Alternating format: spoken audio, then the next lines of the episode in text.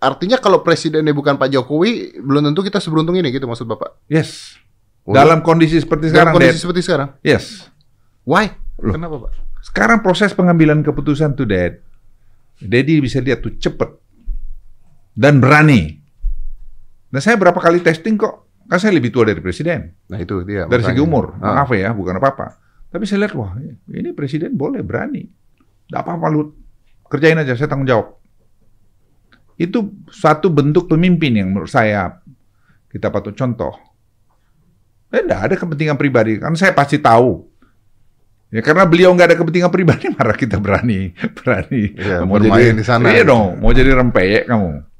Ah, oke. Sebenarnya saya kalau ngelihat ya dari kinerjanya Pak Jokowi sih udah luar biasa untuk mengatasi Ya. Indonesia negara Ya. yang seperti ini, Yes. Pak.